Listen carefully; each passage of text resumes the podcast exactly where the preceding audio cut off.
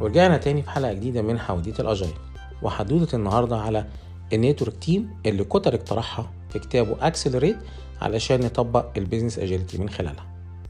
في البداية ال network team هو عبارة عن الفريق المسؤول على value stream معينة والمسؤول على الحفاظ عليها وتحقيق أهدافها المرجوة بالنسبة للشركة.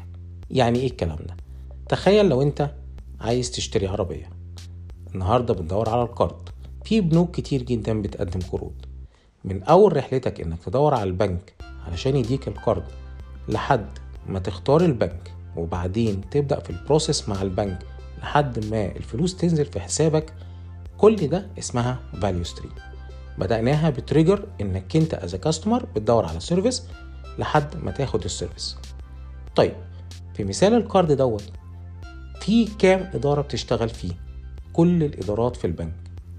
من أول الكاستمر سيرفيس السيلز الماركتينج الويب ديفلوبمنت لأن لو في website محطوط عليه ال marketing material أو لو تخش تدور اونلاين بعد كده ال internal compliance بتاع البنك علشان يوافق على القروض والإدارات المختلفة المحاسبية اللي بيعدي عليها القرض علشان توافق عليه لحد لما تروح لحسابك وتنزل في حسابك وتشتغل مع البنك وال customer service علشان ي collect منك الفلوس دي. ولو حصل مشكلة ال operation يرجع لك يشتغل معاك عليها علشان تحلها.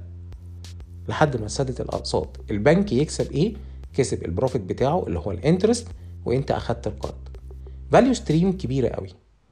ويمكن نلاحظ إن هي في الحالة الطبيعية الناس بتشتغل مع بعض ولكن نتيجة ال management الموجود دلوقتي إحنا مش شايفينها as functions عندنا function بتاعة ال customer care function بتاعة ال sales function بتاعة ال operation function بتاعة ال HR function بتاعة ال IT ال network team بيكون مكون من كل ال functions ديت بيشتغلوا مع بعض as one team علشان يحققوا one value للشركة.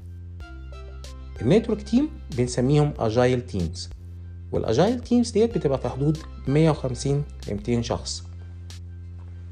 وال agile teams دي بتتقسم بعد كده ل scrum teams اللي بتبقى من 9 ل 11 شخص علشان يبقى عندنا كل scrum team مسؤول على جزء تحقيق ال value طيب هل ينفع ال business agility للشركات الصغيرة؟ أيوه ينفع. إزاي؟ تابعوني في البودكاست اللي جاي. هقول لكم إزاي نقدر نطبق ال business agility في الشركات الصغيرة. كان معاكم فادي إسماعيل. شكرا.